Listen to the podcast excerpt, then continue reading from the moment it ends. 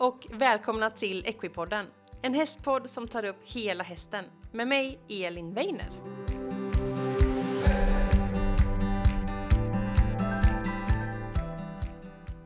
Då var det onsdag igen och jag vill hälsa dig varmt välkommen till veckans avsnitt av Equipodden.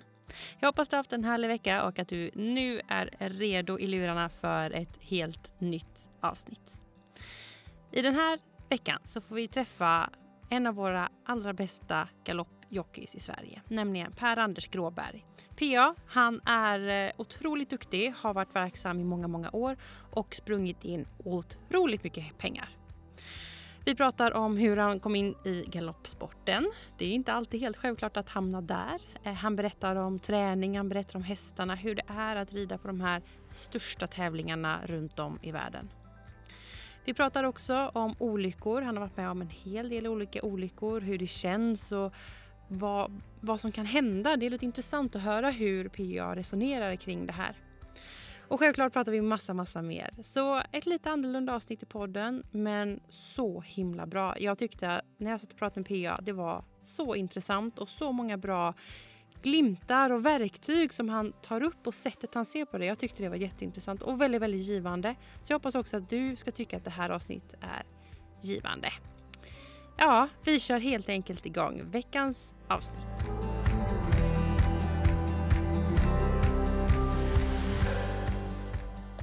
Så, då sitter jag här med P.A. Gråberg. Hej! Hej! Per-Anders egentligen. Ja, precis, men det blev PA i tidig ålder. Ja. Mina kompisar tyckte Per-Anders var långt så det ja. blev PA lättare och ja. det har följt med ja, hela mitt liv. Det är det du svarar på? Det är det jag svarar på, framförallt det jag lyssnar på. Och eh, du är ju en av Sveriges bästa jockeyryttare, säger man så? En galoppjockey. Och ja. eh, vi är ute i Bro Park utanför Stockholm och eh, ska prata galopp idag. Ja, jätteroligt. Spännande. Men jag tänker att om man inte känner till vem du är, kan du inte berätta lite om vem du är och hur du hamnade här? Oj, det är en lång historia. Eh, jag är 47 år gammal, gift, två barn eh, som är snart, snart 14 och 19. Mm. Eh, halkade in i galoppsporten på ett bananskal när jag var typ 13 tror jag var. Eh, hade provat massa andra idrotter, som alla killar självklart i den åldern. Eh, och märkte väl runt där 13-14 att ja, jag började bli lite för liten för det mesta. De andra killarna sprang iväg i både längd och vikt. Eh, mm. framförallt så var jag väldigt intresserad av slalom och ville väl försöka satsa på det professionellt.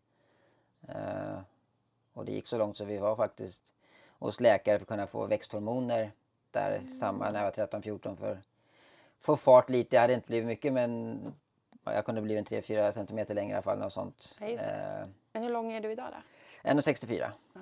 Eh, och med samtidigt där när jag var 13-14 när alla andra växte så kanske jag fortfarande kunde hänga med eller gick ganska bra för då var jag ja, smidig i kroppen. Jag kunde mm. fortfarande hantera min kropp. Det, De andra när de växte mycket blev väldigt mycket långa ben och långa armar och de kanske inte hade samma det. det. tar ett tag att få ihop sig. kontroll. Mm. Precis. Mm. Eh, men sen när de hade fått kontroll så var de större och starkare och, och åkte snabbare. Liksom. Mm. Så var det ju bara. Mm. Eh, men samtidigt som jag då gick till läkaren och började kolla den möjligheten så var det en galopptränare som flyttade ut där mina föräldrar hade en sommarstuga ute i Bogesundslandet ut mot Vaxholm på en gård.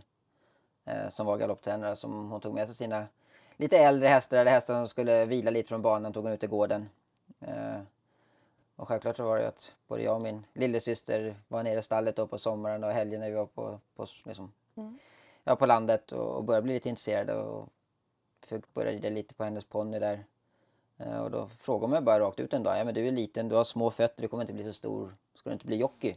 Ja, just det. Och jag visste knappt vad det var men jag hade sett lite, äh, följt med henne till tävlingar några ja. gånger och sett hur det var och tyckte jag, det ser coolt ut och lite farligt ut så ja varför inte, vi, vi kör på det liksom. ja. Och så lärde hon mig börja rida då, successivt. Jag fick till slut komma in på Täby också och börja rida lite på helger och sådär. Mm. Eh, sen gick jag ut nian frågade mina föräldrar för att jag fick ta ett sabbatsår och prova på ridningen. Och det, för jag var skoltrött, jag var dyslektiker eller och tyckte det var lite jobbigt i skolan. Mm. Uh, ja, och sen dess har jag aldrig gått tillbaka. Liksom. Uh, jag har jobbat här något, något år och sen bytte jag till en annan tränare, John Huber, och blev lärling hos honom. Uh, och gick vidare sen därifrån till Mischa Khan då, som var championtränare och fortsatt min lärlingsutbildning hos honom. Mm. Eh, ja, på den vägen har det rullat vidare. Liksom, och I början så hade jag ju absolut ingen hästkänsla, vana för fem öre. Jag hade, jag hade konditionen och styrkan från idrotten.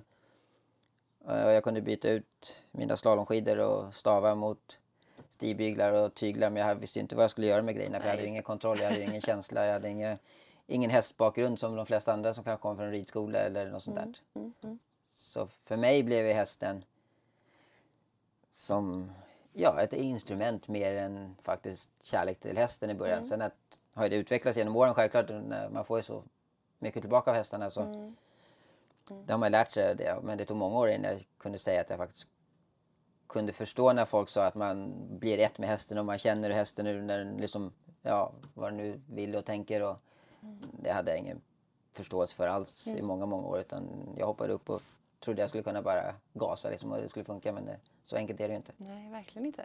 Det är ju ett levande djur och det som är speciellt med all hästsport det är ju att människan på något sätt ska komma överens eller liksom hitta ett band med en häst. Absolut, och det är en jättecool känsla när man får den. Men som sagt, jag, det tog lång tid innan jag fattade ens vad folk menar. För jag bara, ja men det kan inte vara så svårt. Men det var det och det är det. Och under den tiden jag var lärling så var jag fem vintrar i Los Angeles på, på, och red där också. Då. För där, de, ja, där är sporten jättestor. Så Ja. jag fick rida jättefina hästar med jättebra jockeys. Och, som försökte lära mig, jag försökte titta på dem.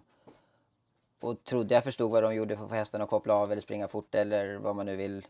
Men jag kände själv att jag kunde inte få ut någonting av den kunskapen förrän kanske 5-10 år senare. Så Då, åh, nu förstår jag varför han gjorde så här. För då hade jag börjat få den känslan. Mm. Och därför var jag ju skitdålig som lärling liksom. Och ung jockey. Jag hade ju ingen talang alls egentligen. Jag, jag hade bara gett mig fan på att jag ska lära mig en vacker dag. Så jag, så jag gick den långa vägen på något sätt liksom. Eh, Vilket kanske har lönat sig nu. Säkert, absolut. Det tror jag nog. För, för man lärde sig ändå när jag var sämre att det var lika viktigt att kämpa för en femte placering för min egen skull för att få några kronor men också väldigt viktigt för de små ägare och tränare som gav mig chansen på den tiden. Liksom. Eh, och den biten tror jag fortfarande att jag har med mig även nu när jag får chansen att rida för större tränare och ägare och viktigare lopp och allt det där så har man fortfarande den grunden med sig liksom att man ska ändå ja, inte ge upp liksom. Mm. Mm. Spännande. Och idag är du ju eh, en väldigt duktig jockey och tävlar och åker i stora delar av världen, eller hur? Ja, alltså mitt hemområde är ju Skandinavien självklart. Vi tävlar fyra, fem dagar i veckan under högsäsong. Så då blir det inte tid för så mycket annat. Men självklart har man ju fått möjlighet att resa runt på många ställen. Eh, och det är alltid roligt att komma till nya ställen och jag tycker då är man utvecklas eh, här hemma. Så har jag ridit mot de här jocksarna som finns här och känner dem och de känner mig så vi kan ju alla tricks var nästan sådär så då kanske man inte utvecklas så mycket mer. Eh, Men med tanke på att man har fått chansen att åka utomlands. Vi har varit jättemånga vintrar i Dubai och fått rida mot världseliten där då som flyger dit varje vinter. Och då måste man ju verkligen liksom slänga ut alla tentaklar i löp och försöka lära, läsa av dem också. Det är inte lika lätt när man inte rider mot dem varje dag utan då måste man vara lite mer alert. Och då får man lite mer kunskap och lägga i ryggsäcken och ta med sig hem och kunna utnyttja när man kommer hem. Ja. Eh, Så absolut, varje, varje gång jag får chansen att åka någonstans så, så tar jag den om, om det inte krockar med något viktigt här hemma självklart. Eh, Men jag har väl varit, haft tur nog och jag har ändå vunnit, vunnit lopp i 11 länder. Så, men det är Det är mycket. häftigt. Ja, absolut. Det, jag tänker galoppsporten är ändå ganska liten i Sverige eh, och mycket större utomlands. Mm. Eh, här har vi ju, ja men visst, ganska fina banor såklart, men det tar inte lika mycket folk som utomlands. Hur känns det att gå in på en sån här riktigt stor bana där det är verkligen sådär stort och mycket folk och en annan hästfest? Ja, nej men det är jätteskoj. Det är en helt annan sak. Men första gången jag red på Dubai World Cup-afton. Det är 50-60 000 människor. Eh, man sitter inne i omklädningsrummet och det är klart man vet att det är en viktig stor dag och det är mycket pengar. Och, men ändå så är det liksom som vanligt på något sätt. Och så kom man ut i ledvolten och så såg man alla människor. Det var nästan som man kände som tjuren Ferdinand. Man ville ta ett steg tillbaka och liksom bara, nej men skojar ni? Oj, Var det så här mycket? Så då får man ju självklart lite, lite gåshud liksom och man blir positivt nervös. Man blir ju mer tänd och, Precis, och, och den nervositeten är ju positiv liksom för de flesta, eller, eller för det mesta. Mm. Eh, Men sen så fort du kommer upp på hästryggen s- så tänker du inte på det. Då är det liksom, självklart tycker du det är mycket roligare att komma mot en läktare och du ser och hör 30, 40, 50 000 människor än att komma mot en läktare som är tom. Det går ju inte att jämföra. Men Mm. när du väl kantrar iväg till start och löpet går så, så är det ju en dag på jobbet. Liksom. Just det. Då har man sitt, eh, man går in i sin bubbla, Ja, sitt flow. absolut. Liksom. Ja. Mm. Och likadant så är det på Royal Ascot och det är också 30-40 000. Eh, så, så blir det ju liksom, men så fort man kommer upp på hästen så är det ju inte, ja då är man hemma liksom. Mm. Mm. Eh, och då, ja, då, då släpper den här nervositeten eller vad man nu har liksom. det. Förhoppningsvis. Mm, Alltså. just det. Och eh, det här är ju inte en riskfri sport. Eh, det är inget med hästar är såklart riskfritt. Eh, det, verkligen det inte. kan ju hända vad som helst. Men, eh, även du har ju varit med om en del olyckor och skador, både rygg och nacke. Mm. Kan du inte berätta lite om det? Ja men så är det när man går ut och rider. Eh, jag har väl, eller vi har väl ett av de få yrkena i världen som du alltid har en ambulans att åka bakom dig. Men Ja. Det är väl typ vi och Formel 1-förarna liksom, som alltid har ambulansen 10 meter bakom oss. Mm. Och självklart så, det smäller inte så ofta. Jag tror jag har ridit kanske någonstans runt 15 000 löp. Och jag kanske har trillat av i löp, jag vet inte, 30-40 gånger. Mm. Och gjort illa mig ordentligt tre gånger. Eh, så drar man ner det procentuellt så blir det inte så mycket liksom. Men, men det är klart, man vet ju att inte om det kommer hända, man vet att det kommer hända. Det, Frågan är ju bara när. Just. Alltså, eh, så min första olycka var väl 95 när trillade av och lårmuskeln gick av. Det var inget livshotande liksom, men det tog ju lång tid att få komma Ja. tillbaka. Det är mycket rehab. Ja. Mm. Och sen så var det väl, jag tror det var 2009 va, när jag trillade av i Norge och bröt ryggen. Då blev jag trampad i ryggen av en häst bakom. Mm. Eh, det gick jättefort, jag var tillbaka på sex veckor. Jag det är tävlade helt efter sex sjukt. veckor. Ja, det är helt galet. Eh, hur det gick till vet jag inte men Eh, Jag var uppe i Norge sagt så jag åkte hem och jag fick ligga helt still i sängen fyra veckor. Eh, Jag slapp operation. Ja, det var ändå Ja. häftigt. Ja. Och så frågade jag läkarna, för jag hade en, en tvååring som jag skulle starta SM. Precis sex veckor efteråt. Och Man är ju för snål för att vilja ge den till någon annan. Så jag, det var det jag ställde in sikte på det och frågade läkarna. Han sa ja men efter fyra veckor så kan du gå smärtstillande och börja göra det och så länge du inte får ont så är det okej men får ont så måste du stoppa liksom. Eh, Så då, ja, jag red ju bara den hästen och vi vann SM men eh, och sen så jag fortsatte ju bara rida en eller två per tävlingsdag. Eh, Successivt ändå. Ja, Mm. men ändå att jag satt på hästryggen och tävlade efter sex veckor var ganska fantastiskt. Det Det, trodde jag inte när jag ringde hem till min fru och sa att jag låg i Oslo och hade brutit ryggen. Det trodde Mm. jag inte då liksom. Vart i ryggen var det? Det var, jag kommer inte ihåg exakt vilken kota det var. Ganska mycket i mitten. Mitten här. på- ja, just det. eh, och sen var det nu för knappt två år sedan när jag trillade av i, i Danmark och, och bröt nacken då. Mm. Och fick steloperera eh, 405 i nacken. Mm. Och det tog lång tid. Det tog jag borta ja, sju månader innan jag gjorde comeback. Mm. Så det var den som tog mest, mest rehab-träning. Mm. Alltså, både för att man har blivit äldre självklart och att man kanske måste lyssna på kroppen och inte hetsa. Hade jag varit 20 så hade jag säkert skyndat mig tillbaka. Liksom. Mm. Eh, men nu när man... Det hjälpte att det var vintern. Det här var ju september var det va? Så då hade jag ändå vintern som är det. lågsäsong. Så jag hade då, ingenting ja. att hetsa tillbaka till heller. Mm. Eh, och skulle jag kunna komma tillbaka till 110 procent som jag vill vara liksom, så var jag tvungen att lyssna på kroppen och lyssna på läkare och rehabtränare och allting. Eh, Mm. Mm. Så det var nog, ja, det var nog mest, mest jobbigt mentalt. Mm. Och liksom första tre månaderna bara att sitta still i soffan och inte gå, göra någonting. Liksom. Nej, just det. Eh, och känna sig fräsch. Eh, Ja. För med, de skickade mig dagen efter operationen utan krage, ingenting. Och när man inte har något gips på sig eller bandage på sig ja, det. Och, in, inte och inte har ont så är det svårt att känna, alltså, så tycker man inte Ja. att man är sjuk liksom. Ja. Och när man är van att leva ett aktivt liv och träna och hålla på mycket så var det ju, man bara, att sitta still var ju skitjobbigt liksom. Mm. Verkligen. Eh, Så det var väl ganska skönt den dagen. Liksom, ja, men nu får du börja gå till rehabgymmet. Då hängde jag där hela tiden Mm. Ja, istället. är där och bara är. ja, ja, ja, men jag var ju där fyra timmar om dagen liksom. De blir aldrig av med mig. Nej, det låter bra. Ja, ja men det var ju bä- bästa sättet liksom. Även om det var skitlöjliga övningar i början. Man fick ligga still och bara lyfta på huvudet. Ja, just det. Och så tänkte jag, men det här kan inte ge någonting. Men det är ändå alla små muskler som måste komma tillbaka Mm. Just först det. liksom. Just det.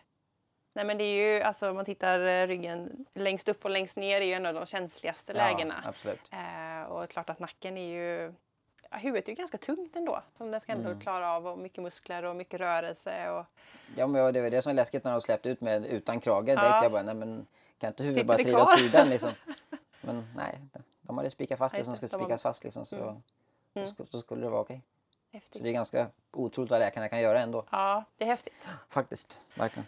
Och jag tänker att när man är med om en sån här grej, dels, det går ganska fort. Mm. Eh, det gör såklart ganska ont att trilla av i de farterna och det händer ju mycket. Du är ju inte ensam heller utan det är flera hästar med och det rör sig. Jag antar Mm. att det kan vara en ganska läskig upplevelse. Eh, det är många som kanske trillar av och att det kan vara stopp för ens hästliv. Mm.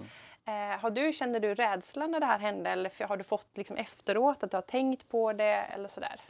Nej, jag har väl alltid sagt att den dagen jag blir rädd så ska jag sluta för då är jag farlig för alla andra. Mm. Inte för mig själv kanske så mycket mer men då känns det som man är en av de här pensionärerna som kör upp och kör 60 på motorvägen liksom. Det är livsfarligt för alla andra. Mm. Eh, och det vet man inte förrän jag red löp igen. Men, men nej, det kändes ingenting utan jag vågar fortfarande satsa rakt igenom en lucka om den kom. Om Utan att tänka på att det skulle bli trångt. Mm.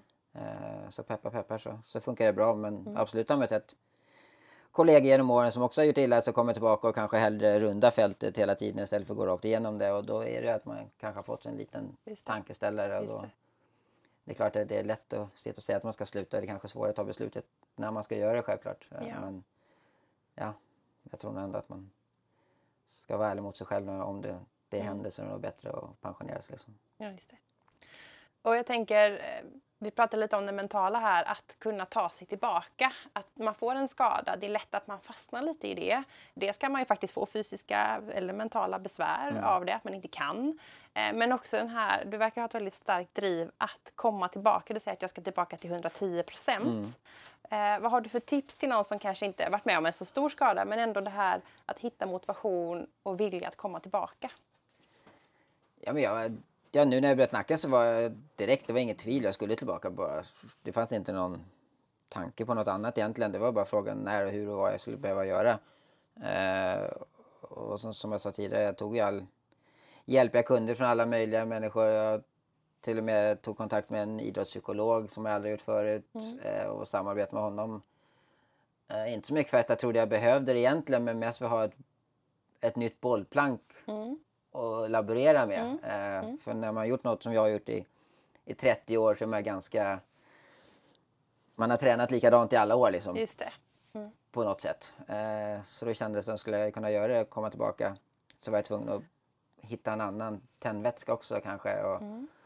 träna på ett annorlunda sätt. För det här var ju första gången jag faktiskt skulle få träna upp kroppen från, ja, inte noll, men ganska mycket tillbaka. ner. Istället Mm. för förut har man alltid varit borta ganska korta sektioner. Då har man ändå grundkonditionen kvar, eller allt det där. Och man, som sagt, man blir inte, man blir inte yngre heller. Mm.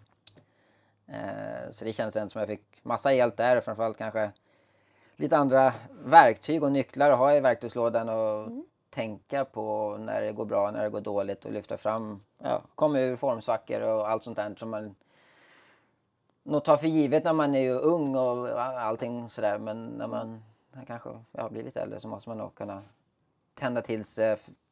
För går jag till en tävlingsdag nu en onsdag lunch och det är snålblåst och pissregnar då vill jag ju hellre vara hemma liksom. Ja. Men självklart måste jag gå och göra mitt jobb så bra jag kan göra det i alla fall för jag har ju kunder som förväntar sig det.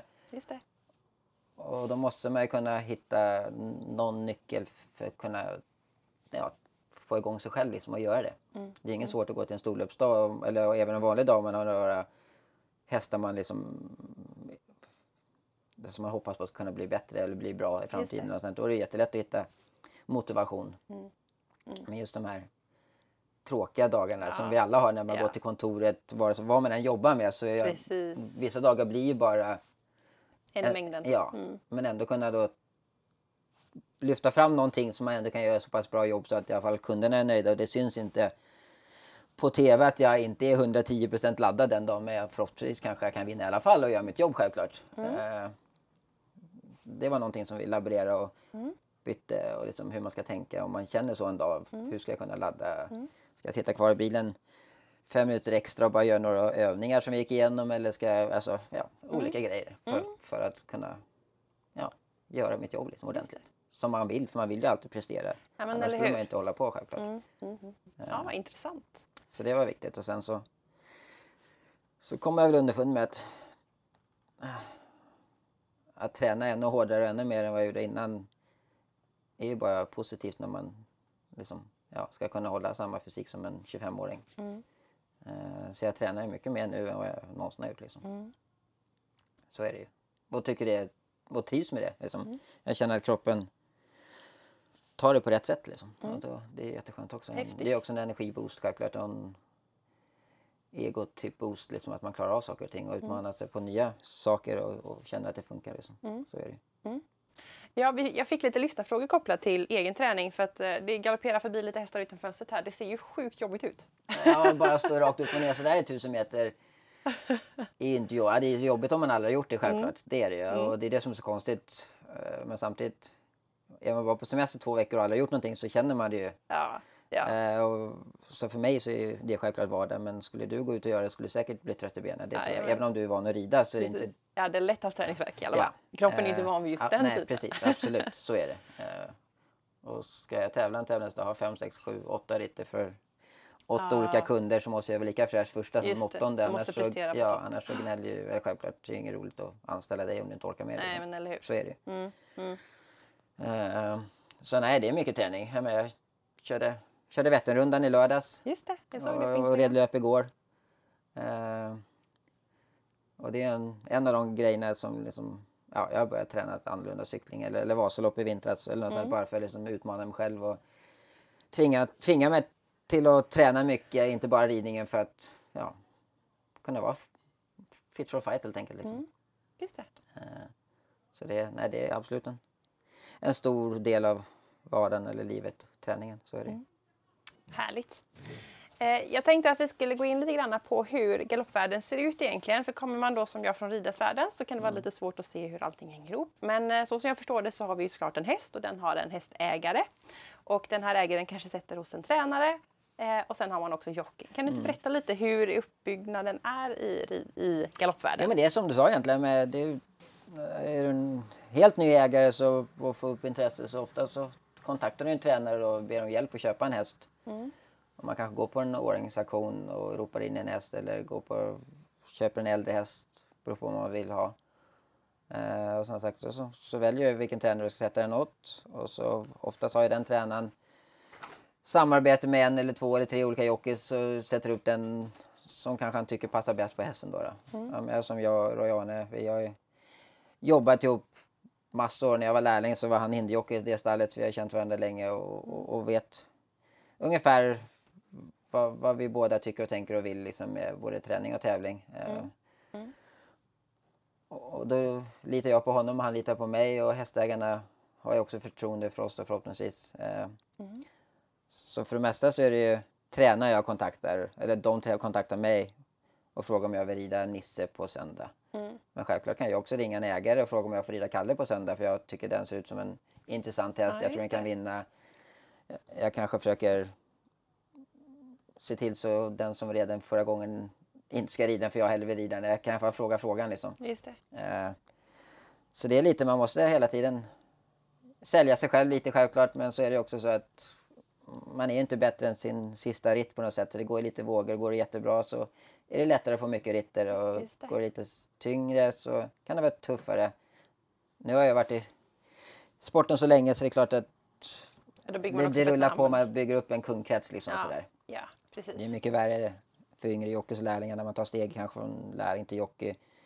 Då får nästan alla en dipp en säsong. Eh, sådär, för att man, då har man rider med fördel, viktlättnader och sådär. Och kanske haft en jättebra säsong och så tror man att nej, det här flyter bara på och så gör det inte det. Och då är det Mm. tyvärr en del som tappar intresset liksom. Mm. Eh, Ganska tidigt eh, för att det kanske blir några tunga år eller något tungt år och Mm. börja hitta andra grejer och kanske inte tycker det var lika roligt längre. Eller, så. Det. Så, så det gäller ju verkligen att orka kämpa på när det blir motgångar för det är nästan då de måste jobba hårdare som, såklart. Ja, så är det ju. Eh, och så är det väl all hästnäring eller med Ja. hästar och tävlar. Liksom. Ja. Det är inte alltid vårt fel. Det är ibland att hästarna är lite sjuka eller de kan bara vakna upp med huvudvärk som inte vi vet om och så Precis. presterar de inte på topp i alla fall. Eller, eh, så man Mm. kan inte alltid gräma sig själv eller tränaren eller men eh, självklart så vill ju också ägaren ofta ha en förklaring varför det Just inte det. gick så bra som man ville. Det är Så lättare ju. att fråga människan för hästen vet vi ju inte riktigt. Nej, och många gånger kanske man ser varför dagen efter för att den står och plötsligt inte ätit eller det. feber eller, eller ett dåligt ben. Eller, Precis, dålig i magen. Ja, alltså det, det, det är inte mycket som krävs för de ska vara 5, 6, 10 procent under topp och då är man ju inte med i matchen. Liksom. Så. Precis, precis. Ehm, Men generellt så absolut så har man ett samarbete och både med ägare och tränare helt enkelt och försöka hålla en bra professionell nivå på det hela. Jag har, en del, jag har många ägare som är privata vänner med också för man liksom umgås ändå mycket. Nära samarbete. Ja, absolut. Mm. Jag tänker hästens vardag, eh, för den tränas ju eh, typ varje dag eh, för att hålla den här, det är ju ändå en toppatlet då. Mm. Eh, är jockeyn med i träningen eller är det tränaren som sköter träningen och jockeyn bara rider eh, löpen? Nej, till eh, 95 procent så är det tränaren som sköter träningen och säger till vad jag ska göra. Mm. Eller någon annan som rider i stallet. Det behöver inte vara en jockey, det kan ju vara en vanlig träningsryttare eller anställd. Mm. Självklart så vill man väl, de flesta kanske vill ha lite feedback. De sista 5 procenten vad jag tycker och tänker eller vad någon annan ryttare tycker och tänker. För men, det är en sak att kanske se hästen från sidan och en sak att sitta på hästen. Just det, känslan. Så den feedbacken är också jätteviktig för tränaren självklart. Mm. Eh, För att kunna bilda en hel uppfattning om hästen. Om man ska ändra på någonting kanske eller tänka om eller Mm. något sånt. Mm. Eh, Och sen så har ju de flesta tränarna sin egen mm, träningsfilosofi självklart. det. Det. är Mm. inte, Sin egen metod. ja, det kanske inte skiljer ljusår däremellan men ändå lite grann. Precis som en, alla tränar fotboll eller vad det än är. Så alla tänker ju samma sport men alla har sina olika vägar att komma fram till målet. Liksom. Just det. Just det. Eh, och det är också en del hästar passar kanske bättre hos den tränaren då än hos en annan tränare. Det, Mm. det är inte alla passar in i just det mönstret heller. Alltså, så är det ju. Just det. Lika väl som inte alla hästar passar att jag rider dem heller. Eh, Mm. så det är klart att lite finlir blir det också att försöka hitta bästa Mm. kombinationerna. Liksom. Mm. Men du som jockey då, det kan vara så att du får eh, göra ett löp på en häst som du inte har ridit innan, eller? Absolut, det händer ju framförallt de gånger man kanske inte rider hemma i Skandinavien. Som jag ofta inte sett hästen överhuvudtaget. utan Då får man ju... Ja, men jag, åker, jag har varit ganska mycket i Tjeckien och Polen och har några ägare där som jag rider för när det är storlopp. Då skickar de en video till mig självklart när hästen har startat. Förhoppningsvis när den har vunnit så ser jag hur den har blivit riden och hur den fungerar. Och sen så kommer jag dit och så får jag självklart prata med tränaren och även ägaren. Men den viktigaste delen är när jag hoppar upp på den i ledvolten och kantar ner till start. Det tar väl fem minuter. Det är då jag lär känna hästen. Och framförallt så är hästen lär känna mig. Mm. Eh, lika väl som jag går ut med en hund första gången i koppel. Mm. Så, så känner hunden om jag är nervös eller aggressiv eller sådär. Eh, Mm, Det, det känner de på en gång. det. Om jag möter en hund, om jag blir, håller upp kopplet då kommer min hund säkert skälla för att han tror att jag blir nervös. Exakt så är det ju med hästar också. Ja. Eh, Så det är väldigt viktigt att hoppa upp och vara ganska nollställd på något sätt och, Mm. och liksom inte ge några ja, varken positiv eller negativ feedback nästan utan bara låta det vara någon minut och man känner av varandra och sen kan ju jag känna självklart när jag galopperar iväg om den rör sig bra, den är lite stel, då kanske jag galopperar lite, lite längre, försöka värma upp den lite mer eller Mm. om den är stressad kanske jag kan ta lite kortare för att försöka få den att bara skritta och koppla av istället. Och Mm.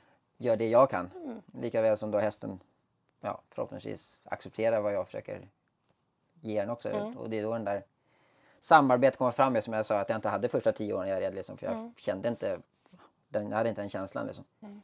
Eh, Det känns ju ändå väldigt, väldigt svårt på så kort tid. Ja, men självklart så är rutinen hjälper till mycket. Ja. Så är det ju lättare säkert för mig än för en som bara tävlat något år eller två så, Mm. såklart. Mm. Eh, Men, men det är en viktig del av det verkligen. Mm. Alltså, man kan tycka bara att vi bara galopper- galopperar till startplatsen och slänger in oss i boxarna så kör vi. Men det är ändå som sagt det är ändå då man ska bygga upp en, en liten relation med hästen och få ett samarbete förhoppningsvis ska kunna funka. Att vi kanske inte vinner i alla fall, Mm. men i alla fall får ut max det vi Just kan. det. Sen hur långt det räcker det kan inte vi påverka för det kanske är några andra som är mycket bättre. Just det. Alltså det, just det. det är och det är allt. hela vägen fram såklart eh, som påverkar hästen. Absolut. Eh, som sagt så kanske den gör sitt bästa löp men vi är fortfarande bara tre, fyra i mål. Alltså det, Så kan det ju vara liksom. Mm. Eh, Men fortfarande försöka få ut så mycket som möjligt. Eh, man kan väl säga tycker jag liksom att det är en materialsport som all hästsport. Mm. Eh, Mm. hästen gör ju kanske 80-85 procent av sig själv. Eller liksom, det, det är motorn, det är farten den har. Sen är det mitt jobb som bra eller dålig jockey att få ut de sista 15-20 procenten genom att lägga upp rätt taktik, inte stressa upp den. Alltså allt det där för, för att det ska funka och komma till 100 procent. Mm. Eh, så som sagt, om inte hästen kan tillräckligt så spelar det ingen roll hur duktig jag är, då kan inte jag vinna i alla fall. Mm. Hästen måste ju ha kapaciteten för att kunna ta mig i mål, men sen är det mitt jobb att guida den på rätt sätt. Just det. Veta när man ska gasa, bromsa Ja, eller hur man ska absolut. få den lugn. Ja.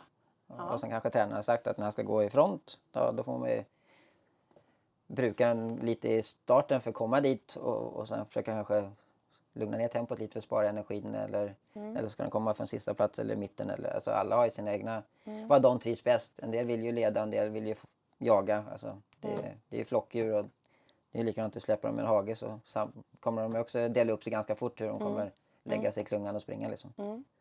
Intressant. Så, det, så mycket av jobbet i ett löp är att hitta den position du vill och sen inte störa den utan sen ska den börja få galoppera fritt Mm. utan att jag styr och ställer. För ju mer jag begär av den, både gasa, bromsa, höger, vänster, det kostar ju Ja, energi. precis. Det- så helst ska jag bara hitta en position och, och jag ska koppla av, hästen ska koppla av och sen ska den börja rulla på så länge man kan utan att Mm.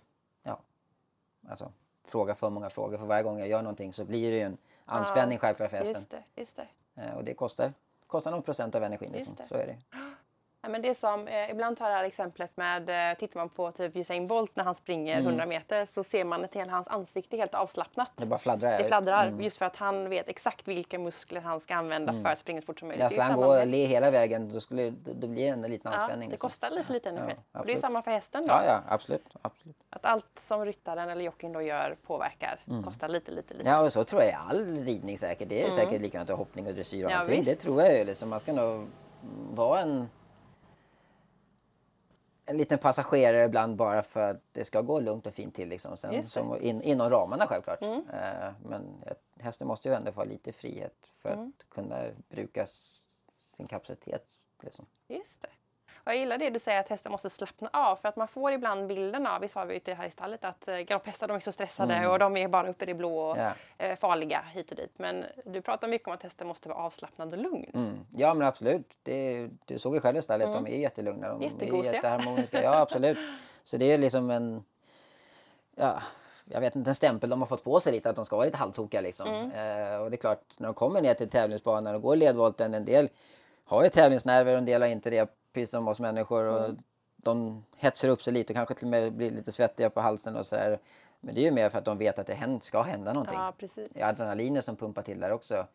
Och det är därför våra inte behöver så mycket uppvärmning egentligen. För när vi kantade start och de har gått ledvolten och visat upp sig för publiken. Då får de så mycket adrenalin så de är redan varma i musklerna. Liksom. Eh, och, och det är klart att det försöker vi spinna vidare på också i löp. Att den där naturliga flyktkänslan. Den vill vi också utnyttja löpet självklart. Men under kontrollerade former då. Fortfarande inte att man ska jaga och skrämma dem. För det, då spänner de sig också och så Ja. tar det slut. Ja. Eh, Men det ska fortfarande finnas, alltså det är en viktig del av det. Det är därför Mm. de är så snabba som de är också. För att de har, ja, de är flyktdjur från början liksom. Just det. Det, ja, det ska vi locka fram till en viss nivå självklart. Och när du gör ett löp, du sa att vissa hästar gillar att gå i fronten, vissa lite i mitten och vissa bak då. Mm. Eh, Det är lite tränas och information och då är det du som ska designa ditt lopp utifrån den informationen då eller? Ja, absolut. Och ofta så har man ju plan både A, B, C och i värsta fall D, E, F också. För jag menar, även om tränaren skulle säga till men här ska gå i front. Ja, och så händer någonting i boxarna att den inte är så snabb som den kanske brukar vara och inte hamnar i front. Då kan inte jag jaga en dit för det, då är vi där igen. Då har jag brukat för mycket energi. Så då måste man gå tillbaka. Okej, nu sitter jag här, jag sitter. Ja, men då går det till plan B, C eller så får man bara rida på känsla liksom, och läsa situationen. Jag har alltid sagt nästan att jag rider som bäst när jag inte tänker överhuvudtaget när det bara Ja, rullar på. När man Alltså, är i flow. Mm. bara sitter där och så händer en grej och så reagerar du bara där och då. Mm. Då, är, då, ja, då är man liksom i, i, i flow som du sa. Mm. Då rider jag bäst absolut. När jag ska gå ut, om man har för många tankar i skallen, då blir det så här, nej men nu ska jag ligga där. Och nu tror jag att den där hästen kommer göra så, då ska jag göra så. då blir man nästan sent på hela tiden så blir det en liten stressgrej och, och, och då kostar det också energi och så blir det fel. Mm. Just det. Och, eh, så, så bästa är liksom att utnyttja sin rutin och ja, rida den. Självklart Mm. med en grundplan någonting men, men ändå sen bara ta det som det kommer. Liksom. Just det. Eh, För då har hästen också en chans att reagera. Ofta så vill de gå fram så gör de det ofta själva och tvärtom. Liksom. Ja, just Alltså, det. Mm, mm, mm. Så nej, det, ja, nej, det är nog... Det låter säkert dumt men det, är- det är nog bäst att inte tänka för mycket. Liksom. Ja. ja, intressant. Det är kul att höra dig resonera. Ehm, jag tänker, eh, vi har ju pratat lite om löpet och sådär och eh, liksom den här relationen och hur svårt det kan vara att hitta. Men det är en fingertoppskänsla att hitta det här bandet till hästen. Eh, och det, det får man bygga upp med vana då antar jag. Ja men absolut. De är, som vi kom in tidigare, det tog jättelång tid för mig att bara få ens förstå vad folk menade när de sa det. Mm. Eh, och sen så kan man ju bygga vidare på det absolut och självklart är det ju ingen nackdel att inte ha suttit på hästen. Det är klart att den häst som jag rider varje dag träning känner jag ju bättre. Det. Men det är inte alltid en fördel när det kommer till löp då. För helt plötsligt sitter den, ja, men den kanske kändes lite bättre förra veckan än vad just var idag. Och då blir det också en negativ spiral. Mm. Om man aldrig suttit på den och man tycker nej men det här känns ju bra. Alltså, Mm. så, så är det lättare att bara åka med. Ja, precis. Så, så även om det är en, självklart en fördel att ha lite kunskap innan så är det inte bara plus. Mm. Sådär. Eh, lika väl som ibland så kan man ha haft en liten dålig period eller det kan vara en bra period också.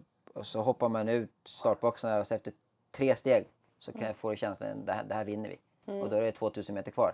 Men du känner direkt att Ja. idag är hästen Nu är vi på topp. den är ja. där den ska vara. Den, så här bra har den inte rört sig eller känts på ett år liksom, eller whatever. Mm. Vi har inte gjort någon skillnad i träning men att bara det är hans dag liksom. Och Ja, det känner det. man på Nu två, tre stämmer det. steg ibland. Mm. Och det är en ascool känsla för då kan man verkligen börja slappna av och Hänga med där. åka med liksom. Cool. Eh, så var det ju nu på Gärdet för några veckor sedan.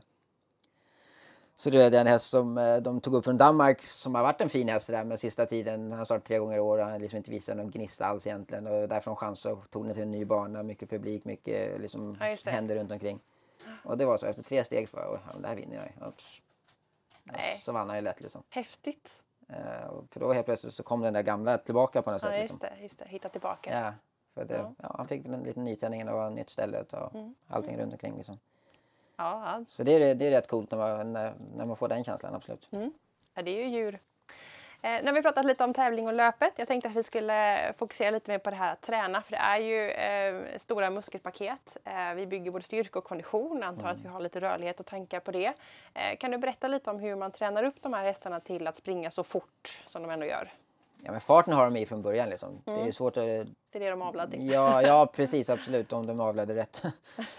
men, men det är svårt att lära en långsam häst springa fort, det går inte. De har ju en motor från Mm. början. Sen ska man ju självklart se till så att den håller och blir stark och inte nöta på den heller för mycket. Liksom. Mm. Eh, så det är en jättebalansgång där, hur man lägger upp träningen egentligen. Eh, jag menar, som Royce som är här, som jag rider mycket för. Han går aldrig riktigt fort fort, men han går aldrig riktigt sakta sa- heller. Utan vi håller en relativt hög nivå hela tiden för att träna på lite adrenalinkickarna hos dem. Mm. Så de blir aldrig riktigt trötta i träning. Eh, och då blir de ju ofta starka och ganska mycket självförtroende. Liksom. För de får den där kicken men de blir aldrig att de går in i väggen. Mm, just det. Eh, och det är ju risken om man ska, många, som många andra kanske tränar långsamt fyra dagar i veckan och så är det en dag i veckan man går 100 procent. Och, och då är det ganska lätt att de faktiskt går in i väggen någon gång i träning. Och har de inte det starkaste psyket då så är det svårt att vända på det sen också ju. Eh, Mm. Så, men som sagt, det, det är olika tränare har ju olika vägar att gå. Och alla vinner löp på något sätt. Så det är liksom ingen som är rätt eller fel, absolut inte. Men Mm. det är en balansgång ändå för att hålla dem liksom, att de tycker det är roligt också. Just det. Att de inte känner sig sämst i träning varje dag. Nej, precis. För då, då är det svårt att tro att de ska känna sig bäst när det är tävling. Liksom. Mm, mm. Och den här viljan att eh, ändå tycka att det är kul. För att eh, om man inte tycker det är kul så kan man ju aldrig bli riktigt bra på det. Så nej, är det ju nej, med absolut. allt. Nej. Eh, samma för hästar. Ja. Eh, Och jag har väl lite så träning också. Och Roy stoppar mig ibland. Jag, jag tycker det är skoj liksom ligga och leka lite. Och med både hästarna bredvid och eh, ryttarna bredvid. Bara för liksom det ska vara lite... Mm. Ja, jag tycker det är skoj. Men jag tror hästarna också tycker det är skoj att det blir lite, händer lite saker. Liksom. Just det. Men hur lägger ni upp eh, alltså, träning? Alltså, eh, jag ser att de galopperar på rakbanan men de travar lite fram och tillbaka också. Är det bara fullt ös som gäller eller? Nej absolut inte. Men rakbanan nu är knappt 1000 meter lång, 950 och sånt. Så det går en del tränare en gång eller en del går två, en del går tre gånger. Mm. Då skrittar man tillbaka eller travar tillbaka. Det beror på liksom vad du vill få ut mm. över hela. Mm. Den stora banan är öppen så de går ju alltid på skrittmaskinen 45 eh, minuter först innan vi sadlar upp dem och värmer upp. Och så får de komma in och självklart kissa och så ska de borstas och sadlas.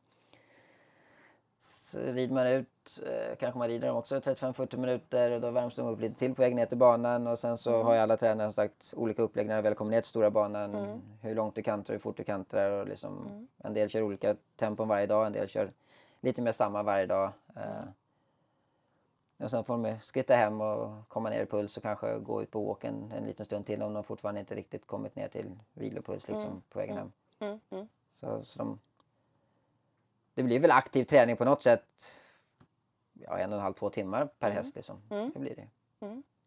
Och, och liksidighet, eh, båda galopperna eller eh, ställningar, jobbar ni med sånt? Jo men tack vare att vi nästan går en dag i veckan när stora banan är öppen vad blir det, högervarv och de andra är vänstervarv. Mm. Eh, och självklart det är jätteviktigt att de går på rätt aktion på rakan. Då ska de helst gå på ytterbenet på rakerna och sen när de svänger så måste de byta till mm. innerbenet för både för att komma runt svängen skonsammast självklart för det är ändå påfrestningar när de svänger. Mm. Men också spara vissa muskelgrupper då så de hela tiden ja, liksom jobbar med ena sidan och sen byter de till andra sidan. Ofta när de byter så har de lite friska muskler där ja, det, och så kan man byta tillbaka ja. igen. Liksom. Så det är också viktigt att man delar upp det, mm. både, både träning och löp. Framförallt i löp så är det jätteviktigt att man försöker verkligen Använda hela hästen, inte ja, bara halva. Absolut, absolut. och, och, och däremellan känna att de tar de här, framförallt i löp, att de verkligen fyller på lungorna någon gång eller två i ett löp. Liksom, mm. Man kanske måste ta en liten, liten halt, bara hålla i dem lite för att de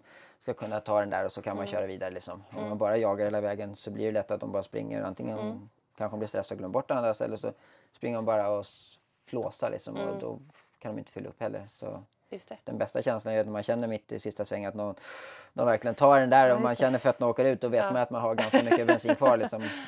Precis. Eh, Nytt syre in. Ja, ja. Mm. Det, en väldigt skön känsla de, de gångerna man kan känna det. Liksom. Mm. För då vet man att förhoppningsvis har vi lite kvar. Just det, intressant.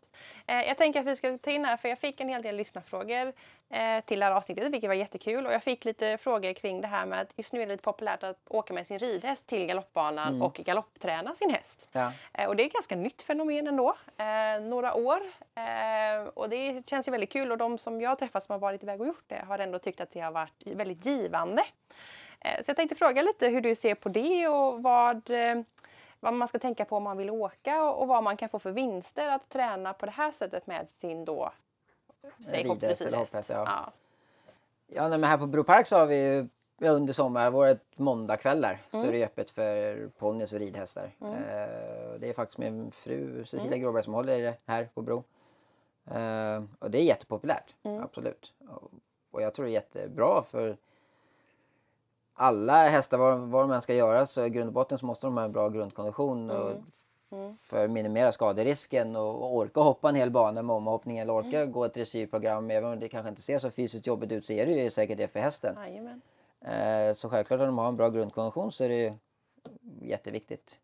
Och sen så är det ju även roligt för de hästarna också för att komma ut och man mm. faktiskt kan våga släppa efter lite. Mm. Även om du kanske inte bara rider ridhus och din stall där du står har en liten skogsslinga men du vågar aldrig riktigt släppa ändå. Mm. Eh, så de får galoppera ut på 500 meter rakt i alla fall. Nej, eller något sånt där. Eh, så jag tror nog det hjälper till att hålla hästarna pigga och glada och happy också, absolut. Mm. Mm. Och sen så är det nog väldigt många ryttare som har varit där två, tre gånger så vågar de helt plötsligt släppa lite ja. fortare, lite fortare. För ja. de är så rädda att den ska ta av och liksom springa iväg. Men det är ändå staket runt så de kommer ja. ingenstans. Och, så jag tror det är en bra blandning både för ryttarna att våga känna att de faktiskt kan släppa efter och att hästarna kan få en bättre kondition och, och lite, lite glädje och kännas lite mer mm. fria än att bara se fyra väggar. Liksom. Mm. Mm. Eh, så det tror jag, och, nej, det är väldigt populärt, absolut. Mm.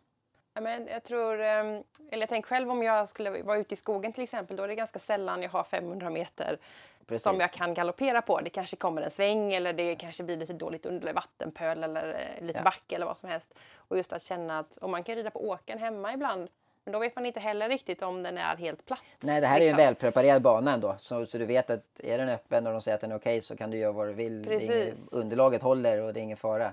Precis. Och Det är ju skönt att känna. ja, ja, det, det är jättebra för dem. Så att en bra grundkondition då, det är det man kan vinna ut av att komma iväg och träna galopp.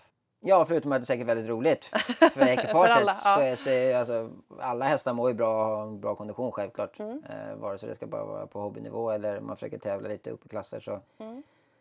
så får du ut mycket mer om hästen orkar hela vägen. Det är ju som en människa. Är du i kondition så är du piggare både kropp och huvud. Mm. Ja, Och det är ju likadant med hästarna absolut. Så, att, så det tror jag är jätteviktigt. Och om man då tänker att man ska åka iväg på det här, vad behöver man tänka innan? Eh, gräs, behöver man brodda? Eh, gräset får de inte gå på, de går på sanden. Eh, och vi använder aldrig broddar, nej. Mm. Nej, Eh, Det håller? Ja, ja, man trillar inte, jag lovar. Eh, det ser jag själv också, min äldsta dotter som håller på mycket hoppning och fälttävlan och det är ett evigt tjat om de där broddarna. Ja, jag tycker bara det förstör gräsbanan eller hopp. Alltså, eh, Är det ett fint Mm. underlag, självklart om det är regnat och halt så kan jag förstå det. Men, men är det en fin gräsplan de ska ha hoppning på eller något sånt så tycker jag nog är lite överdrivet faktiskt. För att det förstör mer än vad det gör och Mm. Ja. då måste du sätta boots på dem. Fall de trampar som är brodden så måste du ha skydd där. Precis. Det är mycket sånt där. Så. Mm. Men jag vet att det är väldigt populärt i ri- ridhäst. Ja, vi gillar våra ja. broddar. Ja, ja, ja. Det ska skruvas på och skruvas av. Ja, herregud. Och det är inte så himla lätt heller. nej, inte alltid. Så nej, det tror jag är lite överdrivet och som sagt vi har det aldrig. Nej, Nej, och vi får inte ha det för det förstör banan. precis. Ja, Och man kan komma i vanlig utrustning som man har. ja absolut. Kom Mm. som du är bara tänkte säga. Eh, Så det är inga, inga konstigheter alls. Mm. Och är det bara, alltså hur, när man väl kommer hit då, vad förväntar man sig då? Är det trava några varv och kolla läget eller är det full gas? Ja, inte några varv, för ett varv är ju 2000 meter. Ja, så, så, så många kommer hit kanske första gången som, som du tänkte också. När vi tar tre, fyra varv och då får Mm. man kanske stoppa dem och säga nej, nej det går inte. Eller om man ser att någon har galopperat ett och två varv och tungan hänger ner ur mun på. För det är klart att det, det, det är lätt att göra för mycket också. Mm. Så är det. Framförallt första gången när hästen kanske inte har den där konditionen. Just det. Då kan det ju kosta mer än vad det smakar. Liksom. Mm. Eh, så jag tycker nog om man kommer hit första gången så ska man nog bara Självklart kan man skritta och trava runt ett varv och sen kanske bara kantra runt sakta ett varv bara för att Ja, det, ta smälta in, allt. ja, ta in Ja, allt, absolut. Mm, mm. Eh, och det står ju alltid någon där som man kan fråga om hjälp. Då. Om det inte är min fru så är det någon annan som har den kvällen så här, som får fråga. Och sen så är det ju ändå rätt mycket hästar. Det kan vara blandning från shetlandsponny till Ja. jättestora dressyrhästar. Mm. Så det gäller ju att ha respekt för varandra också och inte försöka vara i vägen självklart. Och så Just kanske det är några som vill gå i grupp också för den delen. Mm. Några ponnyer som kan ta tillsammans och sådär. Så det gäller ju ja, det gäller att ha lite respekt för de andra också. Mm. Det låter kul. Ja men det tycker jag absolut. Eh, och såklart något att ta med sig. Eh, att få de här chanserna även för ridhästen att få komma och göra det här. Eh, kul! Eh, vi har fått en lyssnarfråga till jag tänkte att vi skulle gå in lite grann på och det handlar om eh, välfärden hos galopphästarna. Eh, vi pratar mycket i ridsportvärlden med eh, det ska vara utprovade sadlar, träns och det ska vara tandläkare och man ska vara hos veterinären och det ska vara fem olika terapeuter och, och hovar och allting. Hur, hur funkar det i galoppvärlden och hur pratar man om välfärd för hästen där? Jo, men alltså, vi skulle aldrig kunna få dem att springa så fort som vi får dem att springa om de inte mådde jättebra. Men de bor ju på ett spahotell hela tiden. Liksom. De, de, de, får ju, de får ju bättre mat än vad jag har, de får ju mer massage än vad jag får. De, får ju, Mm. de blir omhändertagna sju dagar i veckan. Liksom, så, och det tror jag inte riktigt folk tyvärr tänker på. Men så är det ju, annars skulle man inte kunna få dem att prestera. Mm. Mm. Jag menar, det är ju... Ja, den tränare som fuskar med allting och tar hand om dem får inte heller något resultat. Liksom. Just det. Eh, sen är det självklart som människor också att en del hästar behöver mer massage eller terapi än andra. En del, alltså, Japp. det är ju från häst till häst. Ja. Eh, men självklart så får de ju, ja, som du sa, tandläkare och hovslagare och massörer och vibrationsgolv och solarie och Mm. ja, löpband och, och ja, you name it. De har, de har allt som behövs liksom. Mm. Mm. Eh, och de måste ju, ja, som all ridsport, springa upp framför en veterinär innan de får starta. Mm. Är det någon minsta oklarhet så får de inte gå ut och Just starta det. helt enkelt. Just det. Vi har ju jättehårda reglementen hur vi får rida och inte rida och drivning och förut hade vi Eller vi har alltid haft jättehårda regler och de blir bara hårdare och hårdare för varje år liksom. Eh, Så ja, nej jag tror inte hästarna kan vara så mycket bättre än vad de gör. Mm. Faktiskt. Eh, om man inte bara ska släppa med hagen och då tror inte jag de mår bra heller för det är inte alla som trivs med det. Liksom, utan Nej. här står de ju faktiskt, får riktig mat, de får allting de behöver. Det ser säkert bättre ut att kossor och hästar går fria i hagen men som sagt det är inte det de riktigt är Nej. tilltänkta att göra från början heller. Det beror ju på vad de är Ja, gjorda för. är, de här är ju framavlade för att tränas och då, Mm. då, då får de ju all den hjälp de ska ha och behöver självklart. Just det. Eh, för att vi ska kunna leverera när det väl kommer till tävling. Ja. Liksom.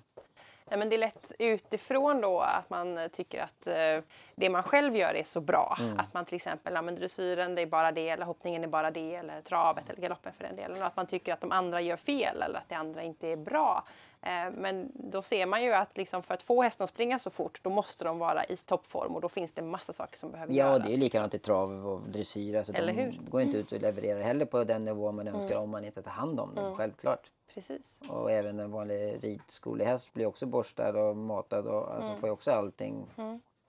Så jag tycker nog att de, de flesta ställen, eller ja, hästar i Sverige, vilken nivå den är, har det ju fantastiskt bra självklart. Alltså, det är ju inget snack om. Nej, men det är väldigt Även om, fint här. även om det, det blir mer och mer press utifrån på det hela tiden så, så är det, känns det väl ändå som att vi ligger väldigt långt framme redan. Ja. Eh, och man kan inte man kan inte linda in dem med bomull heller. De mår inte bättre det. Liksom. Det funkar inte. Eh, Precis. men man kan göra, självklart göra allt man kan för att de ska må bra. Det, Mm. det är väl ett krav. Precis. Och hur tänker man, för ni börjar ju väldigt tidigt med era hästar. Mm. Eh, hur eh, unga är de yngsta som går in i träning? Vi hade vårt första tvåårslöp nu igår. Mm. Eh, så det, är- och de kom in som ett och ett halvt åringar liksom i träning och börjar så successivt. Mm. Men galopphästar har också växt, färdigt tidigare än ridhästar. Mm. Alltså, De är färdiga som treåringar. Liksom. Och man börjar ju inte pressa en tvååring förrän den säger att den är klar till att träna. Mm. Man rider in den och sådär och liksom håller igång den absolut. Men sen kommer de i olika växtperioder och allting Mm. och det säger de ju ifrån naturligt liksom när, de inte, när kroppen inte hänger med helt enkelt. Mm.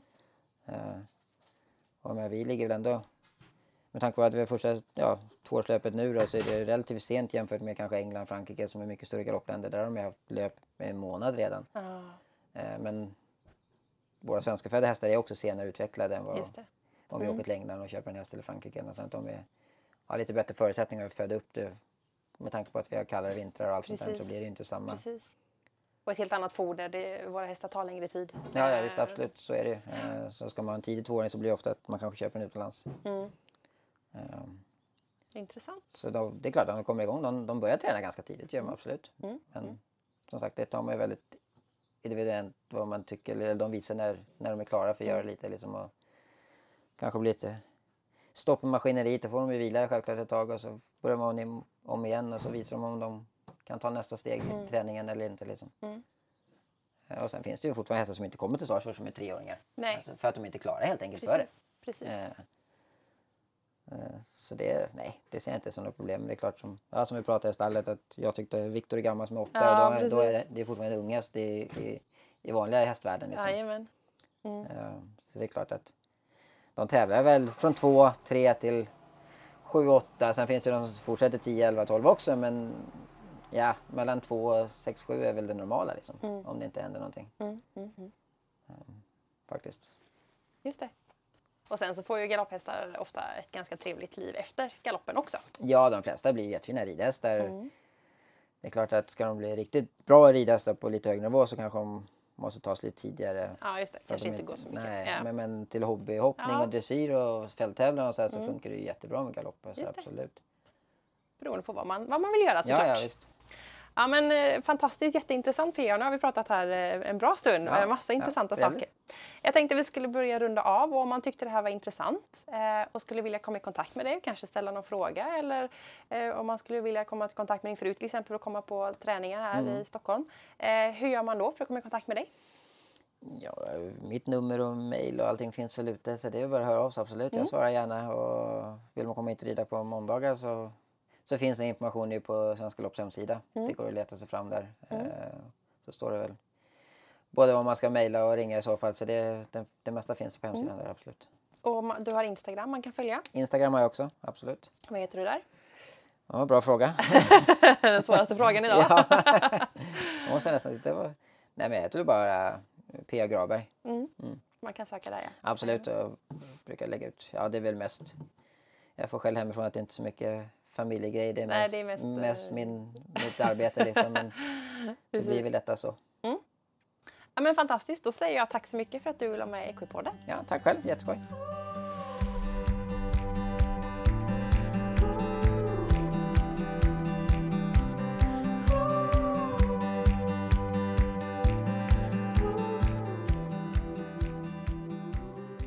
Jag tyckte verkligen det här var ett jätteintressant avsnitt. Jag tyckte PA pratade väldigt, eh, ja men på ett intressant sätt och saker han sa och sättet han resonerade på. Jag tyckte det var väldigt, väldigt bra. Så jag hoppas också att du tyckte att det här var ett bra avsnitt.